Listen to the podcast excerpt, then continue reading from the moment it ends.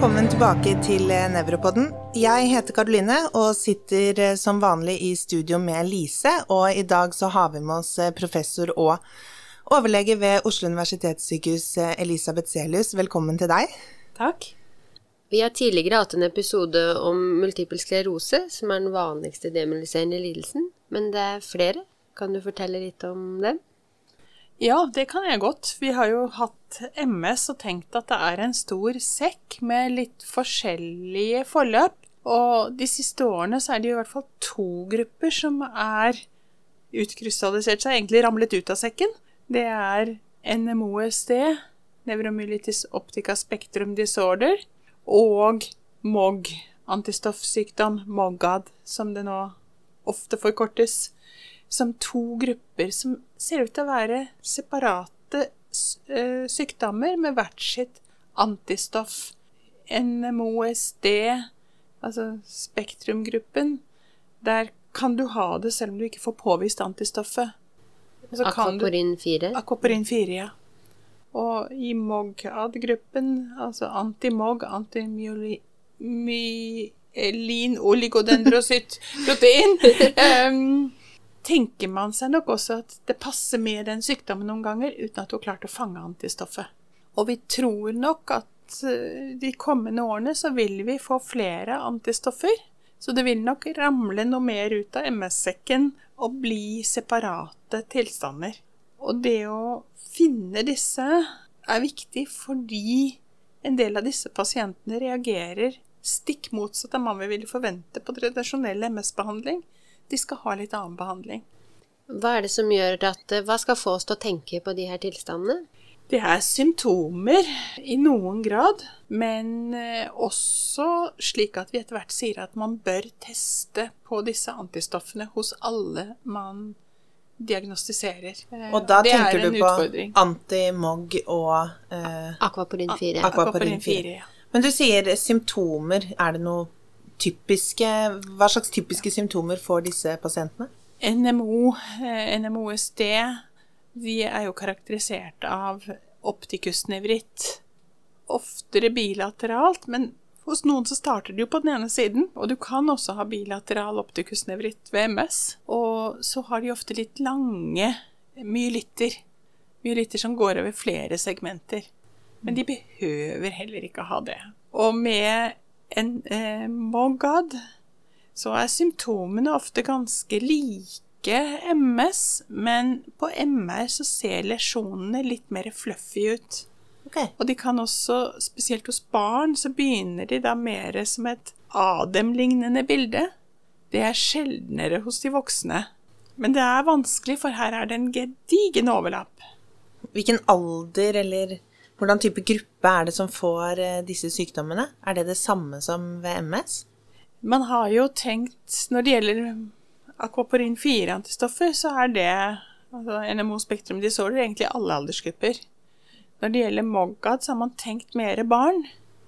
Men vi ser jo at hvis vi begynner å lete etter det, så finner vi oss de voksne også. Så når vi nå fortsetter å lete, så ser vi nok at vi kommer til å finne det oftere. Du sa at de trenger kanskje noe litt annen behandling enn eh, MS-pasienter. Hva slags behandling snakker vi da? Vi snakker fortsatt om immunmodulerende behandling og immundempende behandling. Og ulike, nå også monoklonale antistoffer. For begge to så har de ofte veldig god nytte av steroider. Men noen har definitivt ikke det. Og da vil plasmaferese kunne være en god løsning. Enkelte ganger IVIG. Det er sjelden vi bruker VMS-attakker. Og vi tror nok i dag at de gangene vi tidligere har gjort det, så viser det seg at vi visste jo ikke om disse tilstandene, så det var kanskje egentlig det vi behandlet. Når det gjelder viderebehandling, førstevalg vil ofte være i noen tilfeller litt langvarig steroidbehandling, eller å gå over til rituximab. Men det er ikke effektivt hos alle, det heller enkelte av de tradisjonelle MS-medikamentene kan gjøre situasjonen verre. Jeg tenkte på det var et sånn eh, spørsmål fra siden, egentlig. Men jeg har vært borti noen ganger at når det gjelder testing av akvaporin 4, at vi tester det ved flere ulike laboratorium. Hvorfor gjør vi det? Helt unødvendig. Ja. Og bare tull. Ja. Eh, akvaporin 4-antistoff eh, tester vi her på Ullevål, det test, eh, kan gjøres på Haukeland. Det er akkurat samme testen. Det er like godt. Mhm. Så er det slik at hvis du tar prøve hos en pasient på ulike tider, så kan den være positiv en gang og negativ en annen, for dette er ikke et antistoff som er der og konstant. Det kan svinge, Ja. og det kan påvirkes av behandlingen vi gir. Så det kan forklare at man har fått positivt svar på én test og negativ på en annen. Får man, det ofte, får man ofte positivt svar ved et uh, attakk? Oftere. Ja. Men ikke alltid. Det er en gruppe her hvor man tenker Si bilateral optikusnevritt, langstrakt lesjon i medulla. Passer veldig godt med NMOSD. Men vi finner ikke antistoffene. Det er fortsatt det mest sannsynlige at det er det det er. Er prognosen annerledes enn for eh, vanlig MS? Eller eh, enn for MS? Ja, egentlig så er det det litt bedre. Og kan du forebygge attakkene, så ser du sjeldnere en gradvis forverring, en sånn progresjon under. Med MS så har du en, oftere en underliggende progresjon og attakker på toppen. Men her har du stort sett handikappet knytter seg til attakkene. Så kan du forebygge de, så går det bedre. Eh, når det gjelder MOG, antistoffer, altså antimog, så har vi her hos oss, eh, og i Norge, et ELISA-assay. Og det er veldig lite sensitivt. Så der kan du godt ha en negativ test, og så har pasienten likevel antistoffer. Der sender vi mange ganger til Oxford, Ja, det for de med. har et cellebasert assay som er mye mer sensitivt. Det er også et laboratorium i Sveits som har det samme, men vi har etablert en rute til Oxford, og de er jo kanskje Så for disse kan si verdensledende. ja, så for disse pasientene så bør man eh, sende til Oxford? Hvis man mistenker, eh, så skal man sende til Oxford.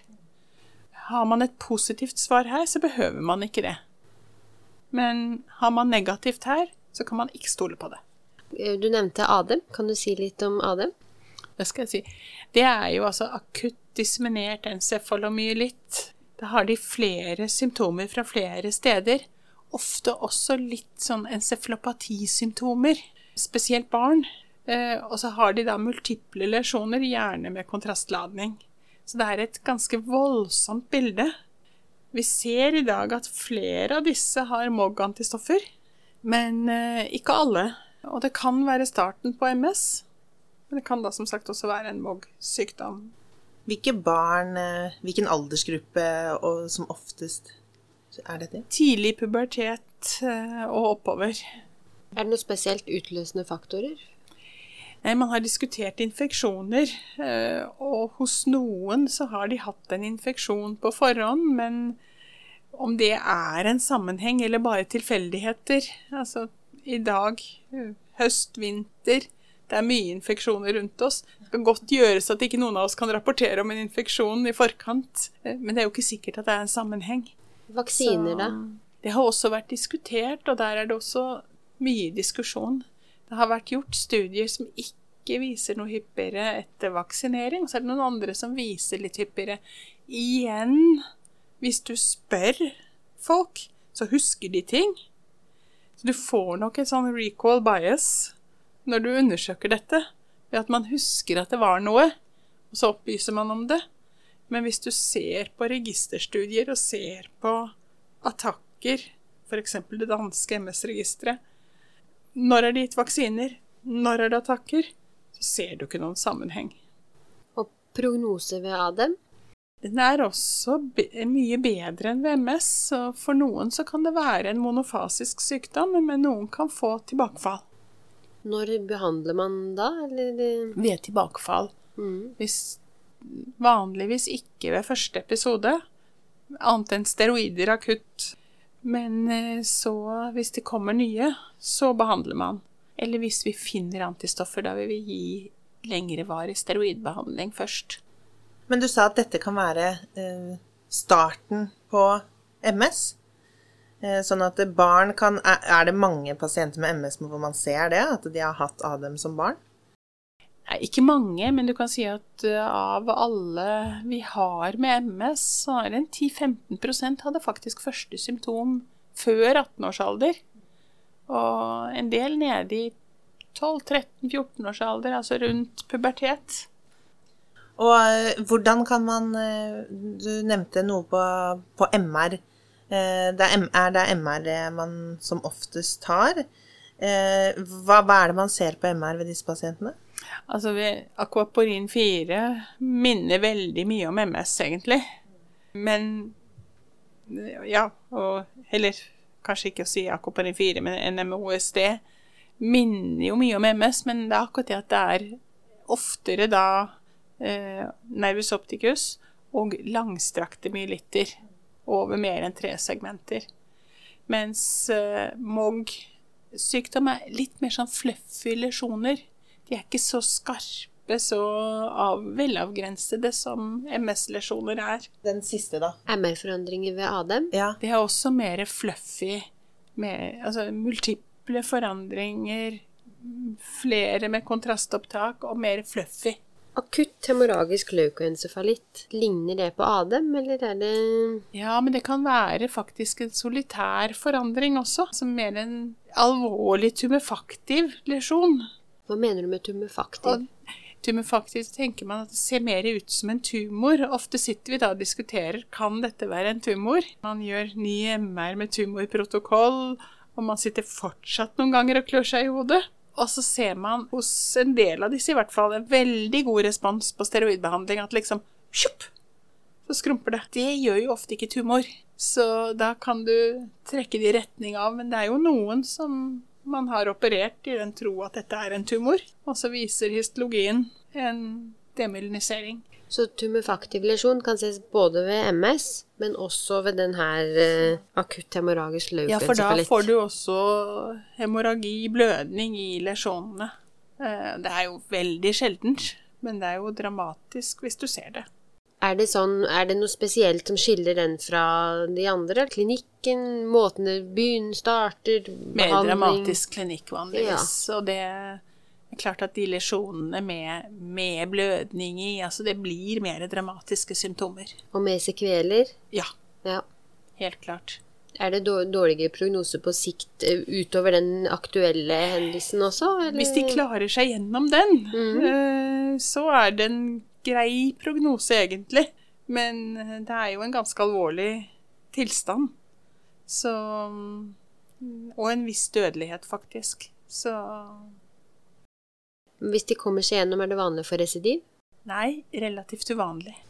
Og så tenkte jeg vi kunne gjerne snakke litt om PML, progressiv multifokal leukoencefalopati. Kan du si litt om eh, det? Ja, det er jo en infeksjon. JC-virus, John Cunningham-virus. Det er oppkalt etter førstemann hvor man isolerte viruset, så han har jo fått evig liv gjennom at viruset er oppkalt etter ham. Men eh, det er en infeksjon som eh, vi Altså, viruset har 60% av oss her i Skandinavia i kroppen, og vi er sannsynligvis infisert tidlig i livet. Det gir oss ingen symptomer. Vi lever helt greit med det vi har. Vi går rundt med det, men uh, betyr ingenting for oss. Men det betyr noe hvis vi blir immunsupprimert. Sånn at tradisjonelt har det vært hvis vi skifter et organ uh, og skal på sterke immunsupprimerende medikamenter, eller blir hiv-positiv, da kan man få en PML. Men så ser vi at med de nye monoklonale antistoffene og ja, spesielt Tysabri, som er et MS-medikament som hemmer migrasjon av lymfocytter over blod-hjernebarrieren. Egentlig lukker blod-hjernebarrieren. Og normalt er det jo noen som eh, patruljerer over og rydder opp. Men når du da lukker den, så kan viruset utvikle seg innenfor blod-hjernebarrieren og gi en infeksjon. Og hvis du ikke får normalisert immunsystemet, så tar den infeksjonen livet av deg. Det er ekstremt sjelden at det skjer friske. Jeg vet om et par-tre stykker nå over ja, 30 år her som har vært ellers helt friske, og som har fått PML. Tilfeldigvis alle menn, men det er nok tilfeldigheter. Det er veldig, veldig uvanlig hos friske. Får du det, og er f.eks. organtransplantert, skal du da slippe opp immunsystemet, sånn at du skal prøve å bremse denne infeksjonen, så avstøter du organet. Så det er et valg. Eh, Hiv-positive de prøver jo å reetablere immunsystemet med medikamenter, men eh, stort sett kommer jo dette hvis du mislykkes med behandlingen.